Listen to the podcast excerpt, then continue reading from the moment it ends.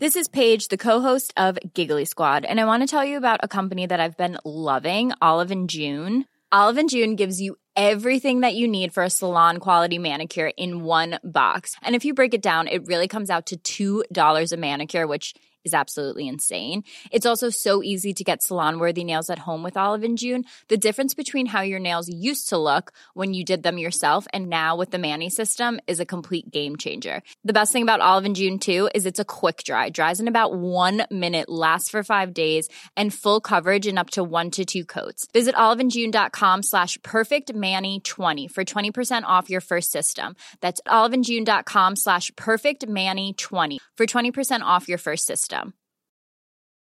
Hey, it's Ryan Reynolds, and I'm here with Keith, co star of my upcoming film, If, only in theaters, May 17th. Do you want to tell people the big news? All right, I'll do it. Sign up now and you'll get unlimited for $15 a month in six months of Paramount Plus Essential Plan on us. Mintmobile.com slash switch. Upfront payment of $45 equivalent to $15 per month. Unlimited over 40 gigabytes per month. Face lower speeds. Videos at 480p. Active Mint customers by 531.24 get six months of Paramount Plus Essential Plan. Auto renews after six months. Offer ends May 31st, 2024. Separate Paramount Plus registration required. Terms and conditions apply if rated PG. Quality sleep is essential. That's why the Sleep Number Smart Bed is designed for your ever evolving sleep needs. Need a bed that's firmer or softer on either side? Helps you sleep at a comfortable temperature? Sleep Number Smart Beds let you individualize your comfort so you sleep better together. JD Power ranks Sleep Number number 1 in customer satisfaction with mattresses purchased in-store. And now, save 50% on the Sleep Number limited edition Smart Bed for a limited time. For JD Power 2023 award information, visit jdpower.com/awards. Only at a Sleep Number store or sleepnumber.com. I'm Sandra, and I'm just the professional your small business was looking for. But you didn't hire me because you didn't use LinkedIn jobs. LinkedIn has professionals you can't find anywhere else, including those who aren't actively looking for a new job but might be open to the perfect role, like me. In a given month, over 70% of LinkedIn users don't visit other leading job sites. So if you're not looking on LinkedIn, you'll miss out on great candidates like Sandra. Start hiring professionals like a professional. Post your free job on linkedin.com/people today. I'm amazed how many people own stocks. They, they would not be able to tell you why they own it. They couldn't say in a minute or less why they own it. Actually, you really press them down and say the reason I own this is the sucker's going up. There's enough cash in the financial system, and there is an infinite amount of cash at the Federal Reserve, an infinite amount Put of cash. Put that check in a money market mutual fund. Then we'll reinvest the earnings into foreign currency accounts with compounding interest, and it's gone. So they had to do something. All they had left was just to print money and start buying things. And that's what they did. Quick buck artists come and go with every bull market, but the steady players make it through the bear market. They say money can't buy happiness. Look at the fucking smile on my face. Hej och välkommen till ett nytt avsnitt av Market Makers. Och vilket avsnitt dessutom. Det är näst sista avsnittet för året och vi ska prata om dokumentsignering. Kan det bli hetare? Ja, helvete vad trevligt. Det här brinner verkligen både jag och Niklas för, för vi älskar, vi är så här paper pushers. Man hörde nästan hur tusentals mobiltelefoner pausade sina podcast i synkat. Nej, men det, här, det här är faktiskt väldigt intressant. Det är ett bolag som vi har velat ta med väldigt, väldigt länge. Det är DocuSign, ska vi prata om bland annat, som specialiseras just på dokumentsignering. Det här är en trend som är otroligt het. Den var det innan corona, men den är det ännu mer med corona nu. Det är riktigt klassisk coronavinnare. Och dessutom tänkte vi att då måste vi också såklart lyfta draken Adobe som ändå är, jag tror att de flesta känner till det bolaget, men vi ska gå igenom det lite grann, vad de har för olika ben eh, och framförallt kanske titta lite också på vilka trender som vi tror kan driva dem framåt. Eh, det är lite lustigt det här, eh, när bolag blir tillräckligt stora, då tycker folk automatiskt att de är lite tråkiga för att de är mogna liksom och sådär. Precis som på Stockholmsbörsen, så det, det, det blir ju så att folk vill ju hitta de här små nya bolagen, uppstickarna som växer. Eh, det har gjort att även om man pratar om att det är höga värderingar generellt, alltså absolut, de här FANG-bolagen, alltså Facebook, Amazon, Apple, Microsoft, Netflix och Google, ja, de är ganska liksom, kraftigt värderade bara sett till historiska P tal för börsen. Men de växer ju också otroligt kraftigt, i alla fall har de gjort det de senaste liksom, åren. Så att de, jag tycker nästan att många av de här bolagen börjar bli billiga nu, för det känns som att folk nu springer på mycket mer okända bolag, framförallt bolag som kanske inte gör någon vinst eller ännu heller inte gör någon omsättning ens. De har nästan börjat gå ner lite i värdering. Adobe tycker jag borde liksom räknas in i den här skalan. Ja, det, det är väldigt intressant faktiskt hur många som pratar mycket om Microsoft och vilket vallgrav Microsoft har och hur viktiga de är för företagen. Men samtidigt helt glömmer bort Adobe. Jag menar, vi har aldrig pratat om Adobe i ett enda avsnitt de liksom, senaste fyra åren vi har gjort podden. Så det kanske inte är så konstigt att andra glömmer bort det också. Men Adobe är ett otroligt intressant bolag. Men innan vi hoppar in på de här spännande bolagen så ska vi förstås påminna om att vi inte håller på med någon rådgivning eller rekommendation. Vi berättar bara om vår process, hur vi tänker kring de här bolagen, gör alltid en egen analys innan ett köp och glöm aldrig att alla investeringar är förknippade med risk. Och den här veckan startar vi ett jätteroligt samarbete faktiskt med våra kompisar på kalkyl.se som vi vill berätta om. Kalkyl.se, alltså K-A-L-Q-Y-L, viktigt det där. Finns dock en länk i avsnittsbeskrivningen. Det drivs ju av Professor Kalkyl, matematikern och Carl Philip Silversköld, tre välkända Twitterprofiler som sagt. Eh, och de brinner, de är extremt passionerade och duktiga på att skriva just analyser. Eh, och det publicerar de på kalkyl.se. Där hittar man faktiskt också Market Makers, alla våra tidigare avsnitt och det är helt enkelt för att vi vill försöka bygga någon slags bank, kunskapsbank tillsammans med dem, där man kan söka på vilket bolag som helst, eh, Spotify till exempel, eller Adobe och de som vi ska prata om idag, eh, och då få fram egentligen allt som både de har skrivit och som vi har skrivit och så vidare. Men den här långa introt här, jag vill, jag vill ändå bara presentera, för vi kommer säkert ha mer att göra med dem framåt, för de har ju också börjat nu med uppdragsanalyser. Eh, och de här kommer vi då till och från kanske lyfta upp även lite extra i podden, eh, vilket jag tycker är jättekul. Så att, alltså, vi ska prata om ett bolag idag, men det här bolaget bör man också gå in på kalkyl.se eller länken i beskrivningen och läsa hela den här analysen så får man verkligen kött på benen eh, för det här. Och vilket är det här första bolaget vi ska prata om idag som sponsrar veckans podcast? Jo, veckans sponsor är ett bolag ni har hört tidigare i Market Makers. Det är nämligen Amido. Amido högintressant SaaS-bolag, fina marginaler. Vi pratar över 50% bruttomarginal. Växte omsättningen 30% under 2019 som trots detta lyckas ha gått lite under radarn för många. Detta kan kanske förklaras av att de noterades på Spotlight i slutet av förra året och därför ganska snabbt sedan drogs med i coronakraschen som allt annat. Trots detta är dock aktien upp över 60 procent sedan dess och plus 35 procent bara i år. Vad gör då Amido? Jo, trogna lyssnare kommer ihåg att de sysslar med något som kallas för property tech. Det är alltså ett techbolag, ett SaaS-bolag dessutom. De har ett system som heter Alliera som erbjuder ett modernt och smart sätt att hantera passagesystem, fastighetsboxar, porttelefoni, tvättstugor med mera, med mera. Egentligen allting som rör digitala nycklar kan man säga. Eh, och deras vd då, eh, Johnny Berlik, han gästade oss i podden i samband med noteringen och berättade då att fastighetsbolag som köper in Amidos system eh, i snitt sänker de antalet ärenden med 40 procent och de minskar tiden de lägger på administration med hela 80 80 procent, så det är en stor kostnadsbesparing. Och som en liten eh, sidonotering här kan vi säga att Jonny har tidigare grundat Mindmonster eh, och tagit med det till börsen faktiskt. Det heter dock idag Iricity, så det kan man ju kolla in också om man är sugen på det. Så han har gjort en, gjort en bra resa innan och han har också skin in the game. Jag, jag vill minnas att han stoppade in runt en miljon någonting i alla fall vid noteringen och totalt äger han faktiskt mer än 10 procent av eh, Amido. Så vill ni lära er mer om Amido, läsa hela den här analysen, vilket jag verkligen tycker man ska göra, gå in på kalkyl.se, kalkyl med ett Q i kyl. Det finns också en länk i avsnittsbeskrivningen för de som föredrar det. Eh, där finns det dessutom som sagt massvis av annat spännande material också om man är aktieintresserad. Som vanligt vill vi förstås påminna om att du själv alltid ansvarar för dina investeringsbeslut och att all aktiehandel innebär ett risktagande där hela eller delar av ditt satsade kapital kan gå förlorat. Och vi säger stort tack till Kalkyl.se och Amido. Då så, då ska vi prata signering av dokument och eh, det är väl ganska logiskt att börja med det bolag som har det tydligaste namnet, DocuSign. Exakt. DocuSign, marknadsledare för så kallade e-sig. Inte de e-ciggen ni tror vi ska prata om, utan e-signaturer. Vill man höra om andra e-ciggen så kanske det är Swedish Match man ska kolla in. Ja, eller om det här var för några år sedan hade det kunnat kika in Philip Morris. Den avdelningen går inte så jättebra nu för tiden. Men tillbaka till DocuSign. E-signaturer, men bolaget handlar om så mycket mer än bara signaturer och det ska vi gå in på i det här avsnittet för det är oftast rätt missförstått kring DocuSign. Nyligen så expanderade man in i det som kan, eh, kallas för Contract Lifecycle Management via deras så kallade Agreement Cloud. Många av de här techbolagen har ju sin egna cloudlösning som heter något väldigt spännande. Men då, Contract Life Cycle Management, CLM som det förkortas, innebär att man hanterar hela livscykeln av ett dokument. Alltså från skapelsen till påskrivning och lagring. Vi ska gå in lite varför det här är coolt och viktigt lite senare på den. Men först Eh, avhandlar vi e-signaturer. Vad är det här då? Hur används det?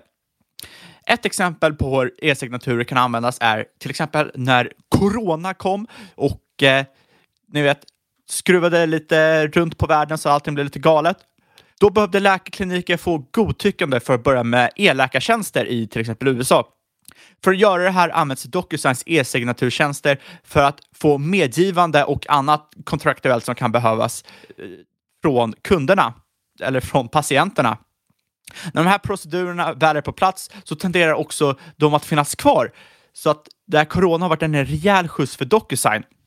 Framförallt så tenderar de här procedurerna när de väl finns på plats, alltså också rullas ut till nya avdelningar och regioner inom samma verksamhet. Så att det blir en väldig land and expand som det brukar heta. Men som jag nämnde så finns det den här äh, Agreement Cloud och vi ska prata lite hur de kom in i det här. Äh. För DocuSign har gjort några väldigt stora, väldigt viktiga mergers och uppköp senaste åren. Och eh, det här har verkligen tagit bolaget från ett enkelt e-signatursföretag till något mycket, mycket mer. 2018 köpte man Spring CM och det här företaget hjälpte då att generera, automatisera, hantera och lagra dokument i en säker cloudlösning. Och kunder kan använda det här för att skapa dokument från mallar. De kan populera dem med data som importerats från externa system. Och sen kan man automatisera den här distributionen och förhandlingen och godkännandet av dokumenten. Och sen till sist eh, så när de, när de här dokumenten är signerade så lagras de. Det hanterar alltså hela processen, hela vägen från skapelse till slut. Och Det här verktyget ligger till grunden för DocuSigns utökade fun funktionalitet där man går från e-signaturtjänster till CLM, alltså Contract Lifecycle Management. Och det här ger otroliga möjligheter när det kommer till att automatisera processen för att skapa, förhandla, godkänna och lagra kontrakt. Det hjälper framförallt till i termer av eh, compliance eftersom det gör att kontrakten blir lättare att söka, det gör dem lättare att spåra och övervaka och allt sånt om man skulle behöva göra förändringar framöver. Det här kostar otroligt mycket pengar idag och är otroligt eh, ineffektivt. Men i alla fall, Agreement Cloud lanserades officiellt mars 2019, så det var inte så länge sedan. Men sen, drygt ett år senare, februari 2020, alltså inte så länge sedan, det var väl en tio månader sedan, så köpte DocuSign upp någonting som heter Seal Software. Och Seal Software använder AI och machine learning för att addera intelligens och automatisering och visualisering till den här agreement-clouden. Ur det här har de fått något som kallas DocuSign Insights och det är ett AI som använder NLP, alltså Natural Language Processing, machine learning för att förstå språk, förstå text. Och det här NLP det används för att analysera kontrakt som hjälper till att få insyn i företagets ställningstagande i det här kontraktet. Det kan extrahera nyckelklausuler, det kan ge inriktade sökmöjligheter beroende på vad du behöver hitta. Och framförallt, något som är väldigt intressant, är att det hjälper till att hantera risk utifrån hur kontraktet är skrivet. Det går även att lägga in olika typer av triggers som flaggar när det till exempel uppstår ett compliance-problem eller när någonting i kontraktet sker externt. Ja, det här är ju en jättestor grej. Framförallt eh, bara tänka sak kring GDPR. Signering av avtal innehåller ju ofta känsliga uppgifter, framförallt eh, om man tänker anställningsavtal som blir allt vanligare att man skickar just med elektroniska avtal. Eh, så det är en jättestor grej att de här eh, kan då till exempel taggas och, och sådär efter... Jag vet inte om just DocuSign Insights löser det här, men, men jag skulle gissa på det. Det finns många andra system som löser liknande grejer. Att man, man kan läsa av känna av till exempel personnummer och sådana saker och då automatiskt eh, klassificera dokumentet så att det inte kan delas ut hur som helst. och sådär. Ja, och sen utannonserades 30 september något som kallas DocuSign Analyzer. Och det här bygger också på Seal Softwares avancerade machine learning och AI-algoritmer. Och Det här tillåter företag att via AI bryta ner kontrakt till kärnkomponenter för väldigt snabba reviews och analyser. Och man ska också här kunna göra risk assessments i kontrakt, i policies. Och Det här är gjort för att kunna förbättra ens egna förhandlingsposition och till exempel erbjuda rekommendationer för omformuleringar så man skulle kunna få ut ett mycket bättre och effektivare kontrakt. Det som är intressant, för att det blir mycket mumbo jumbo när man inte själv är inne i compliance-världen. Men enligt betatestare så sparar de tusentals dollar per kontrakt eh, på grund av hur många processer som effektiviseras i hela den här livscykeln. Och det rimmar väldigt väl med det Gartner säger att AI kommer göra all den här kontraktsförhandlingen och dokumentprocesser 30 eh, snabbare och effektivare till 2023. Så det finns extremt mycket att vinna där med hjälp av AI. Ja, och det behovet dessutom blir bara större och större i och med att mängden eh, digitala avtal hela tiden ökar och, och inte minst nu med corona. Exakt, så Spring CM, Seal Software, två stora, väldigt viktiga uppköp som verkligen utökade DocuSigns plattform rejält. Jag tror utan de här uppköpen hade inte DocuSign varit så intressant bolag just nu. Men på det här så köpte de även upp ett bolag som heter LiveOak i juli. Och det här är en remote online-plattform för notarietjänster som man tidigare haft ett väldigt långt samarbete med. Och DocuSigns vd tror att de här äh, remote online notarietjänsterna kommer dra en betydande volym från och med 2021. DocuSign, de använder sina e-signaturer för att locka till sig potentiella kunder, men det är deras Agreement Cloud, den här plattformen som kommer hålla kvar kunderna när de breddar in i DocuSigns ekosystem.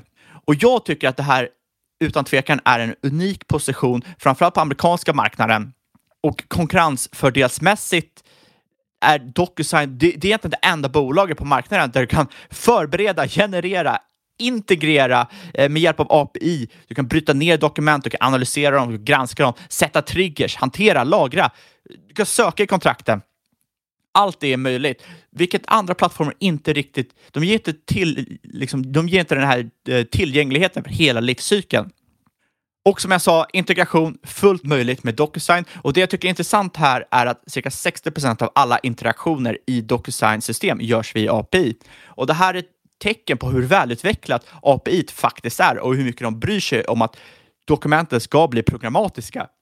Och det används till exempel för att integrera dokument och eh, kontrakt in på hemsidor, ansökan, olika appar.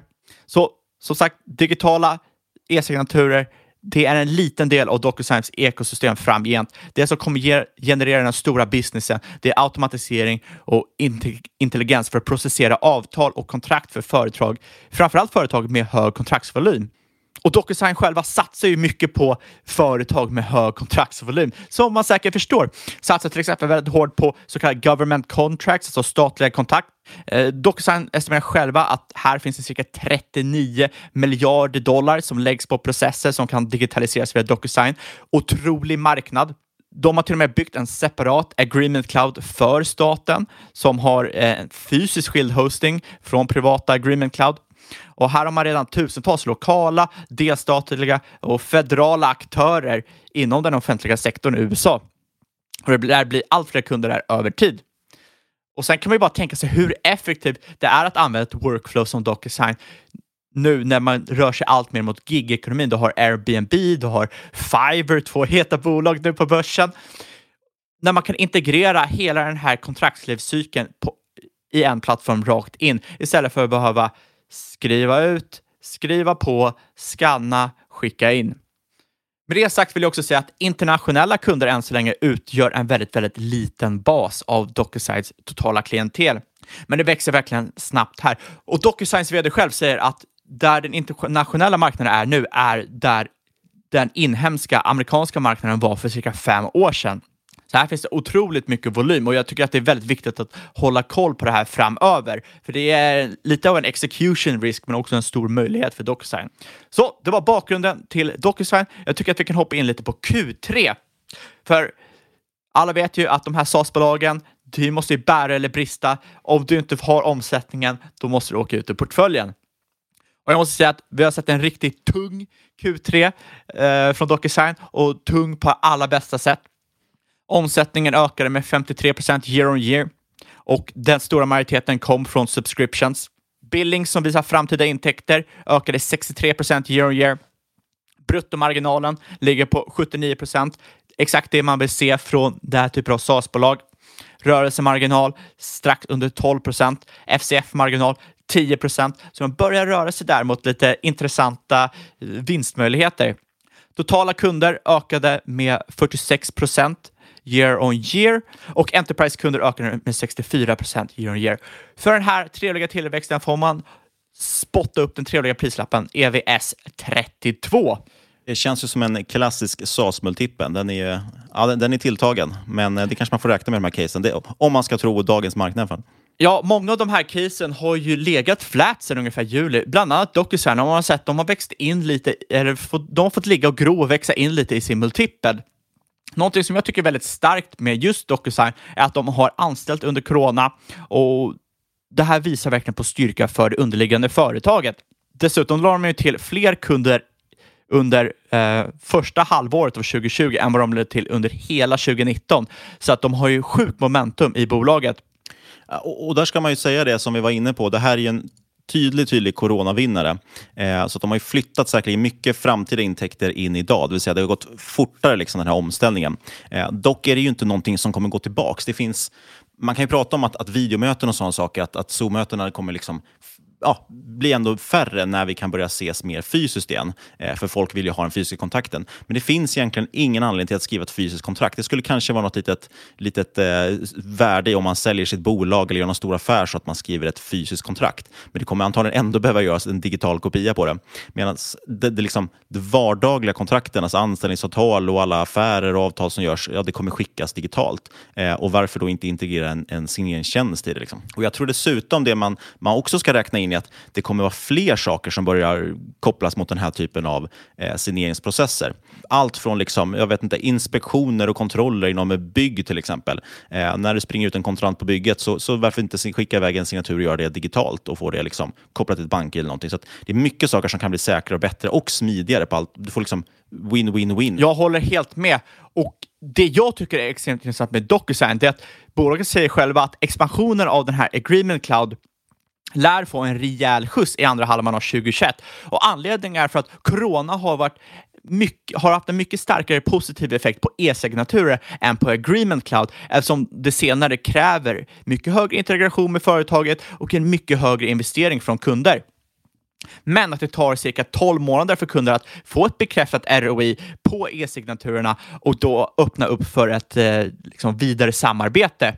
Så att allt eftersom corona minskar så öppnar det här också upp för till tillväxt i Agreement Cloud, vilket är otroligt, otroligt bra position för DocuSign just nu. Ja, DocuSign är ju sjukt intressant och e-signatur överlag. Eh, dock är de ju inte ensamma om att göra det här vilket är inte så konstigt som sagt med tanke på att det är en het och växande trend. Eh, det finns faktiskt en mängd konkurrenter, dock väldigt få som är i storleksgraden som DocuSign är. Eh, några man ändå bara kan nämna, jag tänkte på svenska Scrive. Det tror jag de flesta av eh, våra svenska lyssnare känner till. Jag vet att Avanza till exempel använder Scrive när du signar upp som kund. Det är en väldigt snygg gjord tjänst, men det är ett väldigt, väldigt litet företag. Det är som sagt, de har utgått från Sverige från första början. Sen finns det mängder mer. Det finns Signing Hub, Sign Now, Hello Sign som för övrigt ägs av Dropbox. Eh, Telesign för den som gillar sms, kanske kan vara en uppköpskandidat för Sinch på sikt. Eh, och sen förstås också Adobe Sign, vilket vi ska komma in på, för det tycker jag är en av de intressantare konkurrenterna men eh, det här är liksom en, precis som molnlagring eller vad som helst vi har pratat om tidigare och cybersecurity och sånt, så är det här någonting som i princip alla företag behöver, så det finns utrymme för många aktörer. Eh, det svåra här, det är som alltid, det som gjort att jag har varit lite alltid avskriven från DocuSign, det är ju liksom, jag har haft svårt lite att avgöra, är de verkligen bäst och hur pass mycket bättre är de? Vad finns det för vallgravar här egentligen som vi pratar om? Men vi kanske, kan du ge liksom en, en kort dragning på vad är egentligen de största konkurrenterna? Vilka är det DocuSign oroar sig för? För de är ju ändå störst, DocuSign. Ja, jag tror man ska skilja här på CLM, alltså Contract Life Management, och på e-signaturer. Contract Life Management, då har du i USA, som är DocuSigns största marknad, då har du till exempel Agiloft, du har Isertis.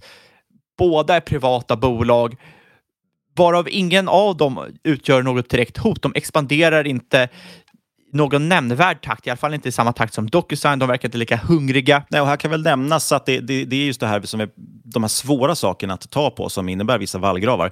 DocuSign antagligen är en smidigare upplevelse än många konkurrenter, precis som att eh, egentligen är det ingen större skillnad på att handla hos Avanza till exempel än att göra det hos, eh, vad vet jag, Handelsbanken. De erbjuder ju samma aktier, men det blir en helt olika användarupplevelse i de två olika mm. plattformarna. Ja, det är väl egentligen ja, det som finns här också. Jag, jag, jag tycker det är väldigt viktigt och väldigt intressant, inte viktigt kanske, det är väldigt intressant att påpeka att eh, Microsoft, Google, Salesforce, SAP och Intel, alla var väldigt betydelsefulla investerare i DocuSign när det var privat. Microsoft själva är fortfarande en stor användare av DocuSign med över 300 användningsfall internt. Och det här visar ju att DocuSign har ju en väldigt stor plats i Silicon Valley, är väldigt techbaserad bland de här techgiganterna. Så att det kan vara en väldigt stor anledning att de har lyckats framför alla andra bolag. Sen tycker jag att väldigt intressant också, på tal om ingenting, är att DocuSign, de började som DocuTouch, som var ett Microsoft Word-plugin eh, som gick kaputt i eh, dotcom-kraschen. Och så kom grundarna från DocuSign och köpte upp då den här eh, Word-plugin och alla assets till det. Nej, men DocuSign är helt klart, det, det är verkligen eh, startup-svaret på, på kontrakt och e-signaturer. Det ska man helt klart säga. Det är den klarast lysande stjärna och det syns i storleken. Jämför vi dem med Adobe Sign då, som vi kommer komma in på så är de 6 till 7 gånger större än Adobe. Eh, och Adobe i sin tur är 6 gånger, 67 gånger större än Dropbox lösning HelloSign eh, inom e-signaturer. Så att det är verkligen stor skillnad på de här. Vi kommer väl återkomma lite till det här. Jag tänkte först dock att vi skulle prata lite om Adobe, om Adobe för det är det andra caset vi har med här. Och eh, just signeringsdelen och kontrakt är en ganska liten del av Adobe, men jag tycker den är betydelsefull och intressant. Eh, men vi ska väl såklart, såklart först kanske prata lite allmän bakgrund.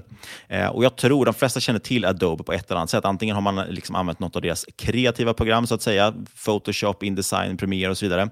Eller så har man ju hanterat dokument, om inte i, i Adobe Acrobat eller Adobe Sign kanske till exempel.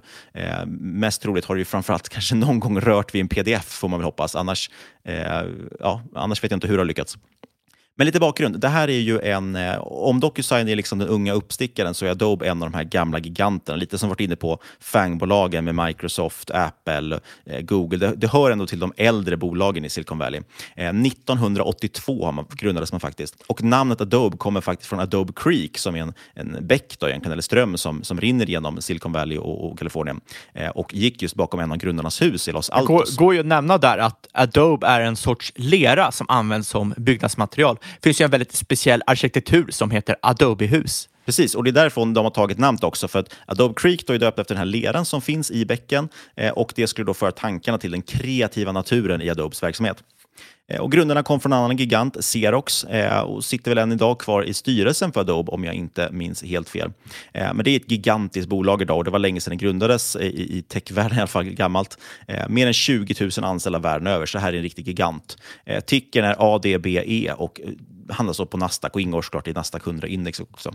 Eh, kul anekdot faktiskt. Redan första året, de startade i december, så eh, det var, var, väldigt kort tid, eh, så fick de faktiskt ett uppköpserbjudande från själva Steve Jobs. Han ville köpa bolaget eh, för 5 miljoner dollar. Eh, de vägrade och det var väl tur det, för idag är man värd ganska många miljarder dollar istället. Eh, men det slutade med att Jobs åtminstone fick en femtedel av bolaget och tack vare den här dealen då, och eh, hur den var strukturerad med lite licensavgifter och sånt inbakat, eh, gjorde då att Adobe sägs vara det första Silicon Valley-bolaget i historien som blev lönsamma sitt första år. Imponerande. Oj. Det var intressant att du drog upp äh, Apple som en anekdot, för jag har också en liten anekdot när det gäller Adobe Apple. Och äh, i stort sett är det att Adobe har i snitt avkastat, jag tror det 25 eller 26 procent sedan IPO. Per år hoppas jag du menar. Per, ja, per år. Förlåt. 25, 26 procent per år sedan IPO, vilket är 3 procent högre än vad Apple har gjort sedan IPO. Jättebra anekdot Fabian. jag hoppas den överlever klippningen. Det är väl jätteroligt. det, är väl, det är väl jättebra att överkasta 3% av Apple ja, per år. Okej då. I alla fall, de har ju en mängd program och jag tänkte vi kunde gå igenom några av dem bara för att för den som inte känner till det så tar vi dem eh, i ordning de släpptes också ungefär. Eh, så Illustrator, först höll man faktiskt på med typsnitt och mycket sådana saker. Eh, och det var här kopplingen mot Apple var. Steve Jobs var en riktig fanatiker inom typsnitt. Eh, men riktigt liksom regelrätta produkter så var det framförallt Illustrator som, som fortfarande lever idag som är deras stora egentligen vektorbaserade grafikprogram. Eh, och Sen tog man även fram Photoshop som jag tror alla känner till. Det är ett bildredigeringsprogram också, men som jobbar då mer med pixelgrafik medan Illustrator är vektorer. Och sen 93 så introducerar man pdf, så man är alltså de uppfinnare egentligen av the portable document format, alltså pdf som alla känner till. Och man har då förstås Adobe Acrobat och Adobe Reader. Gud vilket eh, svängeskt uttal det var på det. Reader? Är det, är det om man ska ut i stallet då eller? Exakt. Eh, och Adobe Reader på den här vågen. Nej, jag skojar bara. Men Acrobat och Reader är faktiskt installerat i någon variant på över 2 miljarder enheter världen över. Så det här är verkligen, alltså, ja, det är till och med en egen ISO-standard pdf-dokument. Och man öppnar, räknar man med, över 300 miljarder pdf-er i Adobes egna appar eh, varje år. Eh, sen lanserade man Premiere och det är ju egentligen deras eh, filmklippsprogram kan man säga. Då. Eh, Premiere Pro har blivit en jättestor uppstickare, det klipps även en hel del stor film på det idag också. Eh, och nu nyligen släppte man också Premiere Rush som är lite enklare verktyg anpassat för influencers för den moderna kreatören som ska ladda upp direkt på Youtube till exempel. Eh, kort därefter förvärvar man eh, in After Effects som är deras eh, effektprogram kan man säga, kopplat till just video som också är hur stort som helst egentligen. Eh, och sen har man även Audition som är samma sak för ljud eh, och Flash. Jag tror faktiskt, eh, bara kuriosa, jag tror att eh, Niklas Andersson, investeraren, klipper sina poddar i Adobe Audition om någon är intresserad. Är det, är det no jäklar vilket lexikon med program det blev helt plötsligt. Ja, jag ber om ursäkt för det, men, men poängen, det är egentligen det som jag vill lyfta upp, anledningen till att jag nämner, det är att de har det här stora ekosystemet och det här är egentligen samma sak som du var inne på med Microsoft. Microsoft har ju det här ekosystemet, det är det som är deras vallgrav. Att du köper en licens för Office 365 och då får du så otroligt mycket mer. Idag till och med expanderat till Microsoft 365 så du får hela operativsystemet också in i samma licens.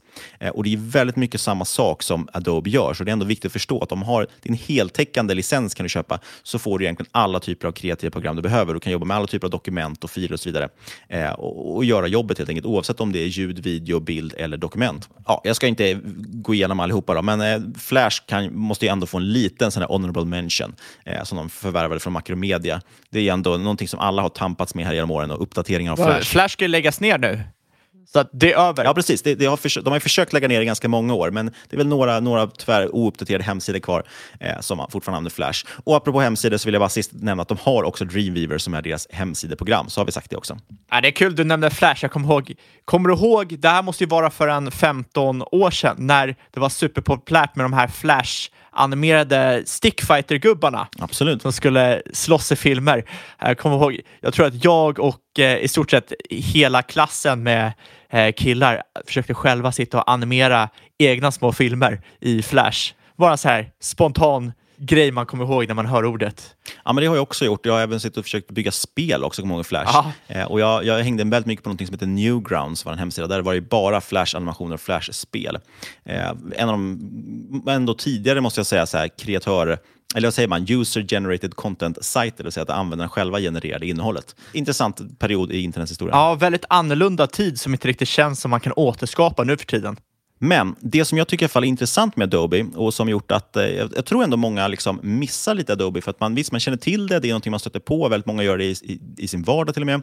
Eh, men man tänker ändå kanske att det här är ett stort moget bolag som inte har så mycket kvar att växa på. Eh, och så har jag också tänkt eh, länge om Adobe innan jag liksom verkligen började grotta ner mig. För jag tänkte att ja, men, de som jobbar med bild, de har ju Photoshop redan. Alltså hur, hur ska de här delarna växa?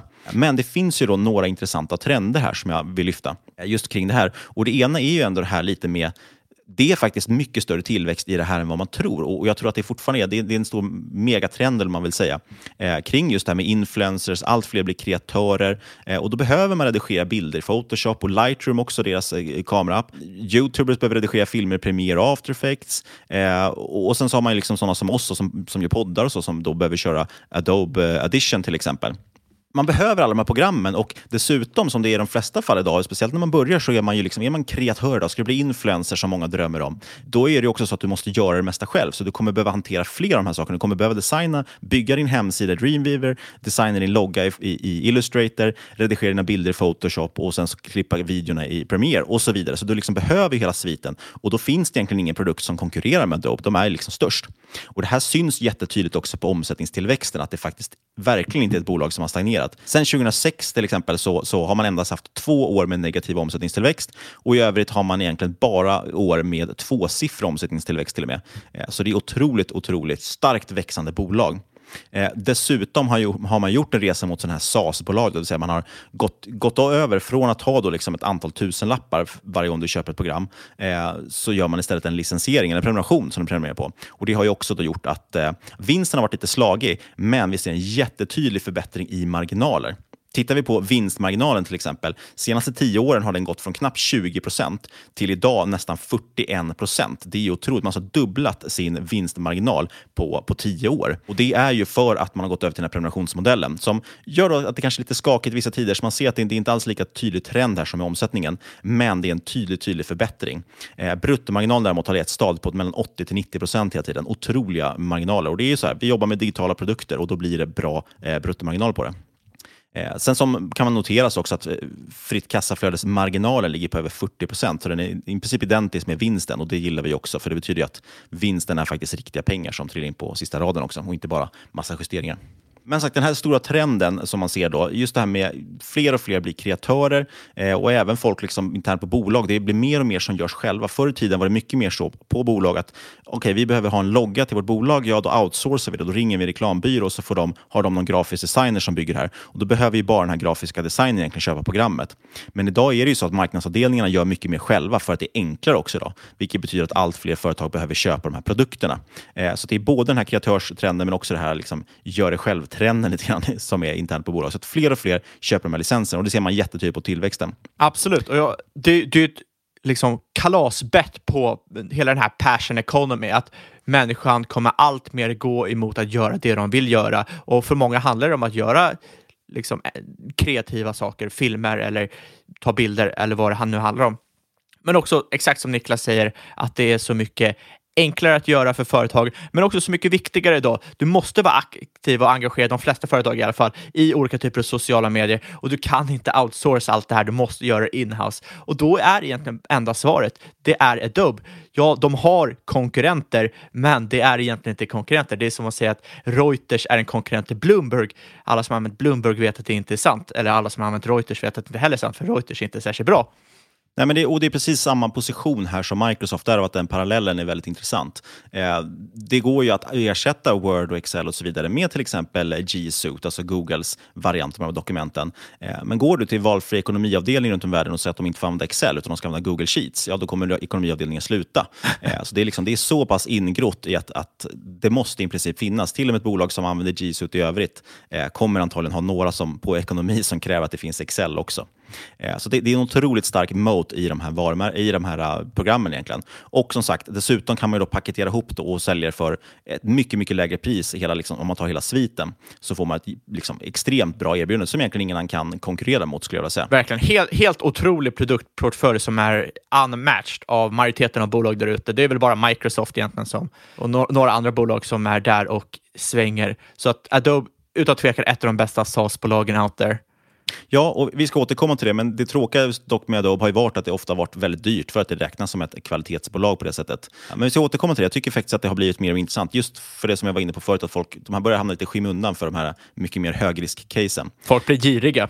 Verkligen. Man noterar också i, i senaste rapporterna här att, att just video och bild, de här bitarna, är någonting som sticker ut kring eh, tillväxten också. Så Creative Cloud växer enormt. Och det är faktiskt rätt intressant, man ger ju guidance för TAM, alltså Total Addressable Market, det vill säga vad är liksom maxpotentialen, hur stor är hela marknaden värd? Tittar man på Creative Cloud, TAMen, alltså vad var liksom den potentialen i Creative Cloud? Vad skulle vi kunna omsätta? Då var prognosen för det 2022 31 miljarder dollar och för 2023 beräknas den vara hela 41 miljarder dollar. Så vi pratar om över 30 procent tillväxt där för den totala marknaden. Och Adobe bör ju förhoppningsvis då växa i takt med marknaden åtminstone. Men sen ska det ju tilläggas att de har inte, eh, Adobe omsätter totalt, eh, alltså Creative plus allt annat de har, 3,5 miljarder dollar idag, eh, 2020. Så det finns ju liksom långt kvar till de här 31 miljarderna, eh, minst sagt. Men den andra trenden, här, jag pratade om det här med kreatörer och att, att fler liksom gör det själv. så att säga. Eh, den andra trenden det är det här vi var inne på med dokumentsignering. All form av egentligen digital digitala dokument som ska hanteras har accelererats enormt av covid-19 och jag tror inte det här är någonting som kommer gå tillbaks. Eh, jag ser faktiskt inte någon anledning till det. Som vi var inne på, videomöten, absolut, det vill man hellre ha eh, fysiska möten, men det kommer finnas kvar en hel del videomöten. Men digitala dokument, jag ser inte någon anledning till varför det skulle gå tillbaks. Eh, precis som att vi inte kommer gå tillbaks till att skrivmaskiner än. Eh, och mängden signerade avtal, om vi tar sign-delen, har skjutit i höjden. Skadar heller inte att Microsoft har valt ut Adobe Sign som sin officiella partner. Eh, så tittar man, Microsoft har en egen plattform för liksom integrationer, lite, lite liknande ServiceNow som vi har pratat om tidigare i podden, som är noterat, också ett jättespännande bolag. Man liknar egentligen en sån konkurrent då. Och där har man valt ut att Adobe Sign är liksom det vi pushar för. Det här är det våra kunder ska ha. Och ja, det är väl typ, jag vet inte, 90 procent av västvärldens företag är väl Office 365-kunder idag. Den, den, siffran drog jag helt ur hatt, så att säga. Så ta inte den på, på orden. Eh, men i princip alla företag har de här licenserna idag. Och, så det säger ändå någonting att Microsoft pushar ut Adobe Sign och, och gör den billigare och lättare att använda helt enkelt för deras kunder. Och Jag tror att det här kommer gå igenom liksom en process. Att steg ett här nu, eh, det är ju då att ja, men det är smidigt att signera avtal digitalt. Eftersom vi inte kan ses fysiskt, vi kommer inte orka hålla på och posta liksom grejer fram och tillbaka, ja, då börjar man kolla lite, googla lite, vad, hur kan vi signera avtal digitalt? Det tror jag är steg ett och det har som sagt drivits på av pandemin. Då. Eh, anställningsavtal och så vidare. och så vidare. Sen när man väl har gjort den övergången till digital signering, då tycker jag den mest intressanta delen kommer och det är här man verkligen kan växa. Då kommer vi till dels det här med automatisering och just det du var inne på med contract life management. Liksom, hur kan vi eh, få ett helhetsgrepp kring avtal? Hur kan vi göra det här smartare så det inte bara är som att vi vore att, så det inte bara är att vi postar fram och tillbaka ett avtal fast vi gör det digitalt, utan man kan bygga massa saker som inte fanns innan. Eh, så det här är ju otroligt eh, intressant. Och den här trenden bekräftas också av, av Adobe som säger att just Adobe Sign är någonting som sticker ut rejält. Här har man otrolig tillväxt. Eh, tittar man på hela Document Cloud, alltså allt som handlar om dokumenthantering i molnet, där prognostiserar man att TAM, då, alltså Total Addressable Market, för 2022 ska vara 13 miljarder dollar och för 2023 ungefär 21 miljarder dollar. Så det är över 60 procent tillväxt. Det är både gott för både Adobe och DocuSign. Uh, absolut. Jag tycker verkligen inte man ska räkna ut Adobe som konkurrent. Jag tror att det är faktiskt en av de läskiga konkurrenterna för DocuSign. Med det sagt så e-signatur står för en väldigt liten del av deras totala intäkter. Deras liksom, big business kommer nog alltid vara deras creative suit med Illustrator och Photoshop. Och det här kommer göra att de kommer ha relativt sett mycket lägre fokus på e-signaturer än vad DocuSign kommer ha eftersom det är deras bread and butter. Det är det enda de fokuserar på. DocuSigns vd själv uppskattar att eh, DocuSign la mer i Q2 2020 på R&D än vad Adobe Sign drog in i omsättning. Så det är än så länge lite skillnader. Med det sagt så tycker det är viktigt som Niklas säger. Då Adobe Sign har haft en ordentlig momentum senaste kvartalen, växt några hundra procent eh, samt det här partnerskapet med Microsoft. Det, de kommer utan tvekan äta en del av DocuSigns market share. Dessutom ingår det i det här Document Cloud och det här kan ju också bandlas med andra mjukvara från Adobe, till exempel Creator Cloud. Men jag anser att just nu är det som Adobe eh, erbjuder en mycket enklare version än det som DocuSign erbjuder. DocuSign erbjuder en hel CLM-plattform medan Adobe satsar mer på att ha e-signaturer i sin pdf-portfölj om man kan säga på det sättet. Det är ju ett helt korrekt iakttagelse. Docusign är ju en helhetsleverantör som säger. Eh, Medan Adobe, de har ju någonstans tror jag, landat i Adobe Sign från att först har du Adobe Acrobat Pro. Jag vet inte varför jag alltid säger Adobe Acrobat på svenska. Det, det har blivit någon sån grej. Det känns för att det är så många som säger så, men man säger Adobe Photoshop på engelska. Ja, det är skitsamma. De har, jag, jag tror att den har tillkommit på det sättet att man höll på med Adobe Acrobat eh, och i där finns en väldigt enkel signeringsfunktion. Och sen skulle jag gissa på att man hela tiden har ställt högre och högre krav från kunderna om att att kunna liksom säkerställa de här signeringarna och sen börjar folk skicka väldigt mycket signaturer och då, tyck, då har man lyft upp det till en egen produkt och sagt okej, okay, men den här kostar lite extra, men då får ni ännu mer funktionalitet eh, och ännu mer liksom, avtal ni kan skicka. Eh, men det är ju som du säger, det är en liten en sidobusiness egentligen, men som växer väldigt, väldigt kraftigt. Eh, exakt, så jag, jag tror det är viktigt att man avgör vad man vill ha om man kollar på de här olika casen. Och där handlar det i DocuSign om att man man förändrar hela workflowet i stort sett. Du har ju, går ifrån liksom enskilda dokument till något typ av programmerbart workflow. Du har ju villkorliga triggers och logik. Ett helt nytt dataflow. Precis, medan i Adobe kan man ju dock lösa de alla sakerna, men då måste man ju nyttja typ ServiceNow, Microsoft Power Automate eller bygga någonting helt eget från scratch. Så det är absolut inte lika fullständigt. Exakt, så man, så man måste ju tänka på, kommer Adobe komma ikapp DocuSign? Kommer de ta över DocuSign? Eller kommer de, in, liksom, kommer de satsa så här mycket och vad kommer då DocuSign vara när de väl kommer ikapp där DocuSign är nu? Så jag, jag tror man får vä vä väga de två aspekterna. Sen kan det väl kanske då vara möjligen så. Nu DocuSign för stigit så pass mycket i börsvärde. Den har väl mer än dubblerats bara i år. Värda någonstans 42 miljarder dollar. Och Adobe tror jag har typ 5 miljarder dollar i kassan. Så, så med det och eh, framförallt kanske lite egna aktier eh, så skulle man ju eventuellt kunna plocka upp DocuSign eh, och integrera det in i Adobe. Det hade varit ett, eh, tror jag i alla fall, eh, ganska vettigt förvärv. Kanske Absolut. Jag ska återkomma till det, men, men man har ju till exempel idag använder man ju en stor del av sina eh, intäkter till att göra återköp istället. och Det skulle lätt vara så att byter man in också lite aktier så, så skulle man kunna svepa upp DocuSign ganska enkelt. Adobe är ju värderat till över 200 miljarder dollar. så det, det är ett otroligt mycket större bolag.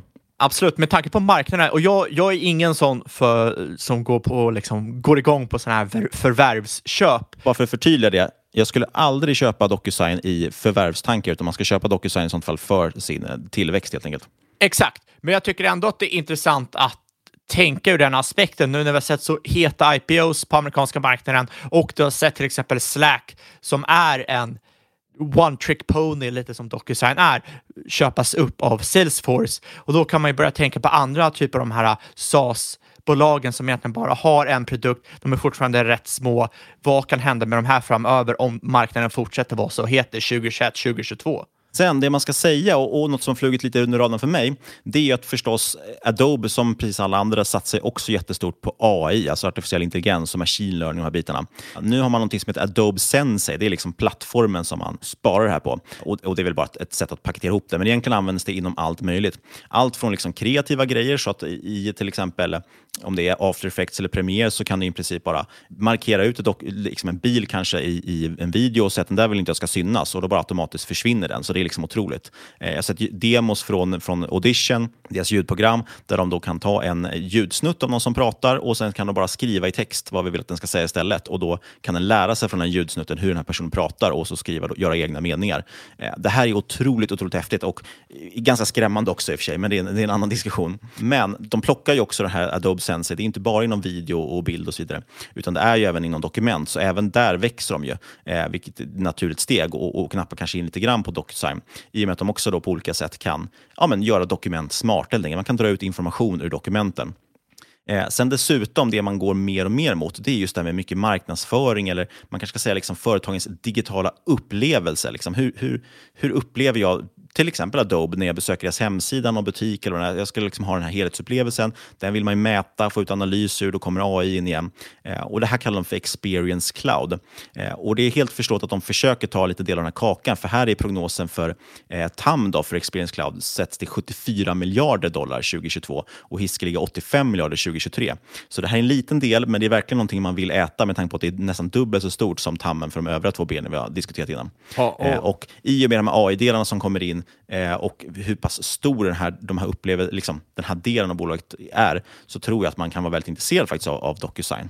Eh, så vi får se, de har ju förvärvat en hel del förut och flera av deras mest älskade produkter är faktiskt saker de har förvärvat in. Ja, alltså, deras portfölj, den är ju egentligen helt otroligt. Ja, som sagt, Adobe Analytics, det är industri, industriledande lösning för real-time-analys i marknadsföring.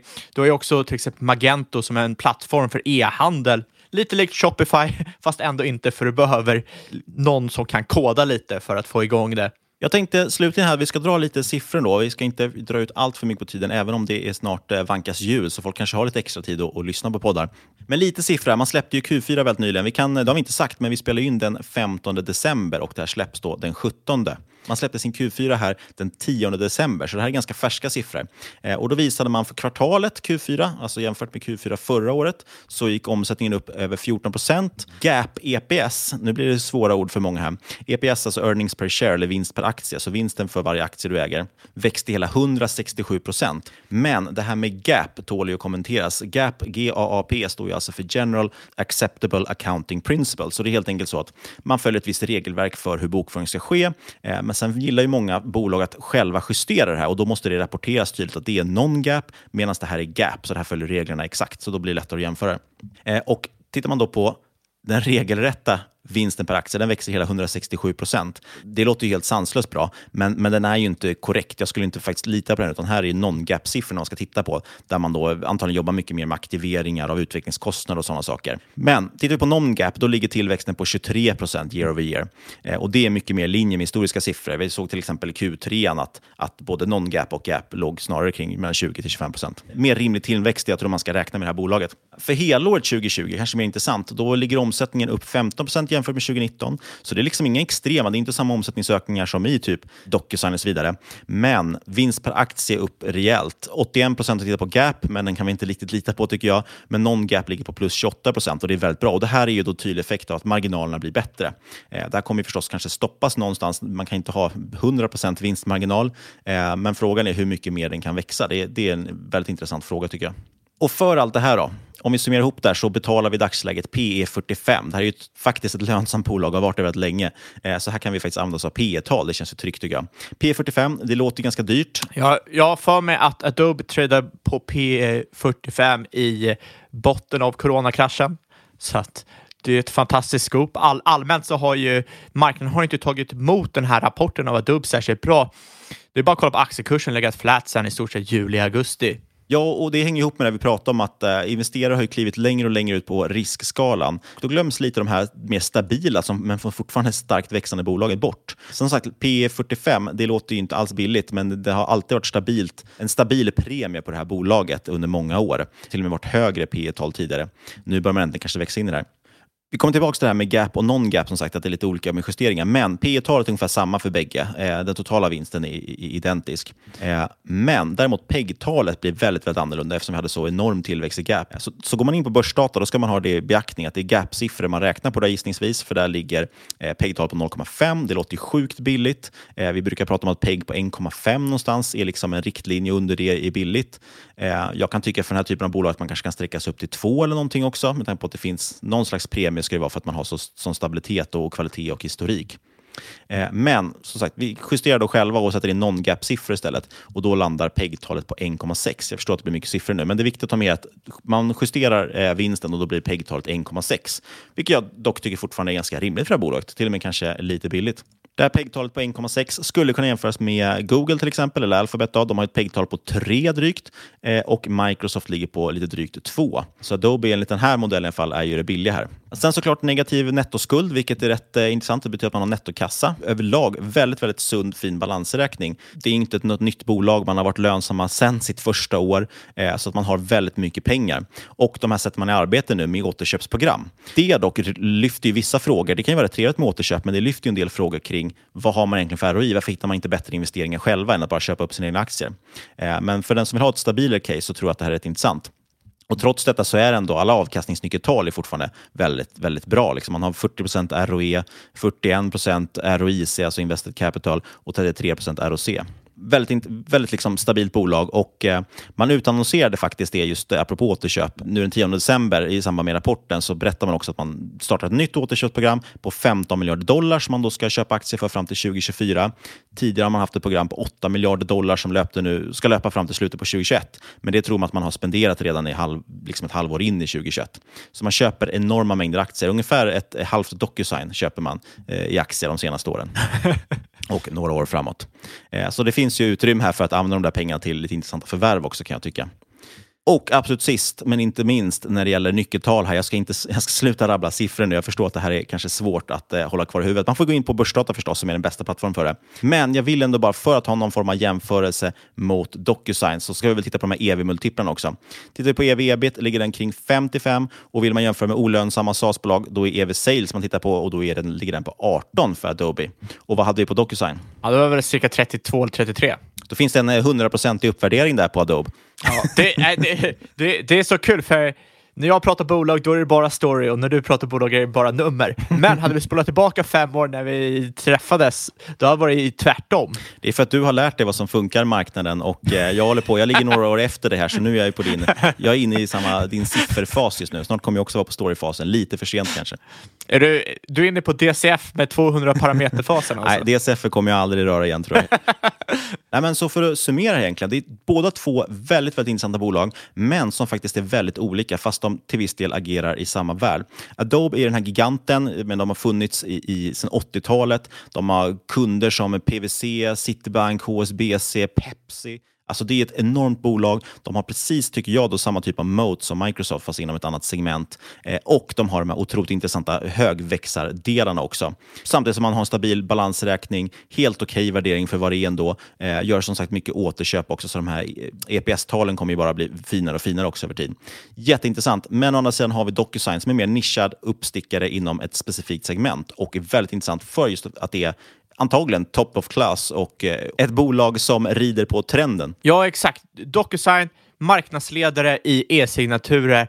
Men framtiden och caset för DocuSign handlar mindre om e-signaturer och mer om det man egentligen kan kalla för smarta kontrakt i en värld där företag rör sig bort från pappersdokument till ett datadrivet avtalssystem. Och det här kapitaliserar DocuSigns Agreement Cloud på som tar hänsyn till hela kontraktets livscykel och inte bara signeringen. Som vanligt ska du komma ihåg att inget av den här podcasten ska ses som rådgivning förstås. Alla åsikter i våra egna eller gäst och eventuella sponsorer tar inget som helst ansvar för det som sägs i podden. Tänk på alla investeringar förknippade med risk och sker under eget ansvar. Har vi något ägande eller intresse i de här bolagen vi pratar om idag? Nej, men jag är lite sugen på DocuSign för att se vad vi gör där. Jag har haft som jag sagt i några tidigare avsnitt, alldeles för hög omsättning i portföljen i år, så att det eh, kan vara bra att sitta på rumpan och inte göra någonting också. Ja, och jag har inte heller faktiskt något ägande av de här bolagen, eh, men jag ifrågasätter lite själv varför jag inte äger Adobe faktiskt. Det hade passat in där ganska bra med Microsoft och även Facebook som jag har tagit tillbaka nu också. Oj, oj, eh, oj! Känns som sagt som att, ja, men det känns lite som att folk här har... Som sagt, någonting.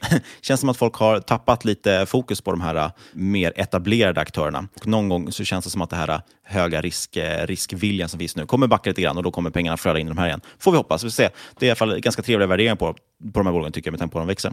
Men ett annat bolag som växer snabbt och är intressant det är SAS-bolaget Amido som du kan läsa en analys på eh, på kalkyl.se. Hela länken till ligger i avsnittsbeskrivningen. Kontakta oss på podcast at marketmakers.se om du har något att säga. Bara snälla saker, ingen kritik. Niklas börjar alltid gråta, han blir så ledsen. Ja, men jag har till exempel fått ett, ett gäng här arga mejl på att ljudet hos The Gaming Investor som gästade oss sist eh, inte var bra och det tar jag på mig helt ansvar för. Det var, det var lite synd. Vi ber om ursäkt. Jag hoppas att innehållet vägde upp det i alla fall och det tror Ja, jag. det, det var en så här typisk masslisten där man kommer över ljudkvalitet när man förstår kvallen på materialet. Exakt. Och det är det ingen som har klagat på faktiskt, snarare tvärtom. Vill ni prata med oss lite mer liksom one-on-one, då har vi också Twitterkonton, Market Makers Podd. Jag och Niklas finns även där separat, Aldén Niklas och Franzén Fabian. Vi håller det enhetligt, för så ska det vara. Du, sist men absolut inte minst så vill vi säga stort, stort tack för att du har lyssnat, kära lyssnare. Vi hörs igen om en vecka.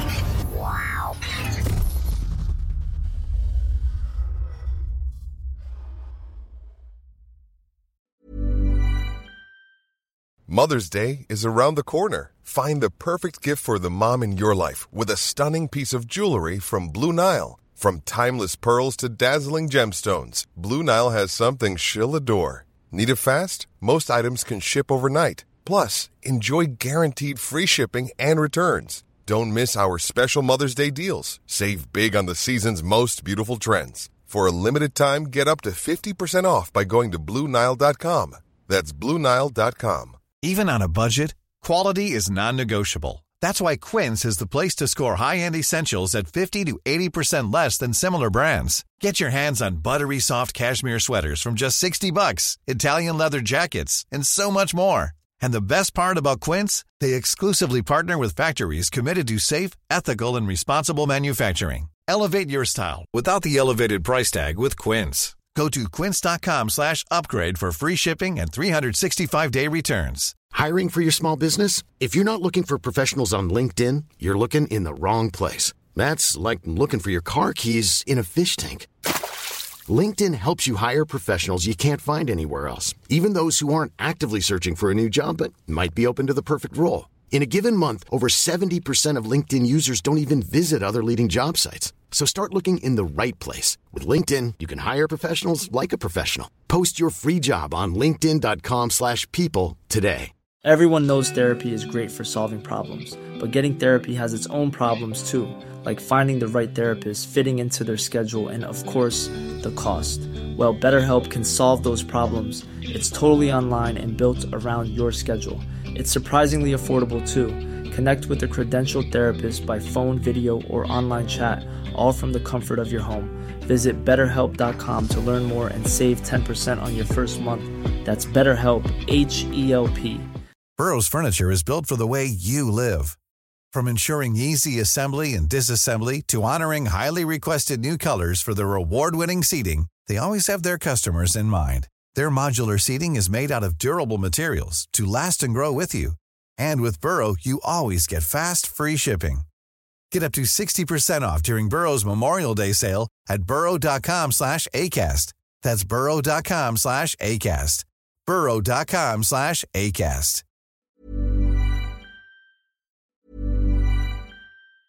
Mom deserves the best, and there's no better place to shop for Mother's Day than Whole Foods Market. They're your destination for unbeatable savings, from premium gifts to show-stopping flowers and irresistible desserts. Start by saving 33% with Prime on all body care and candles. Then get a 15-stem bunch of tulips for just $9.99 each with Prime. Round out Mom's menu with festive rosé, irresistible berry chantilly cake, and more special treats. Come celebrate Mother's Day at Whole Foods Market. Hey, it's Danny Pellegrino from Everything Iconic. Ready to upgrade your style game without blowing your budget? Check out Quince. They've got all the good stuff shirts and polos, activewear, and fine leather goods, all at 50 to 80% less than other high end brands. And the best part? They're all about safe, ethical, and responsible manufacturing. Get that luxury vibe without the luxury price tag. Hit up quince.com slash upgrade for free shipping and 365 day returns on your next order. That's quince.com slash upgrade. Mom deserves the best, and there's no better place to shop for Mother's Day than Whole Foods Market. They're your destination for unbeatable savings, from premium gifts to show-stopping flowers and irresistible desserts. Start by saving 33% with Prime on all body care and candles. Then get a 15-stem bunch of tulips for just $9.99 each with Prime. Round out Mom's menu with festive rosé, irresistible berry chantilly cake, and more special treats. Come celebrate Mother's Day at Whole Foods Market.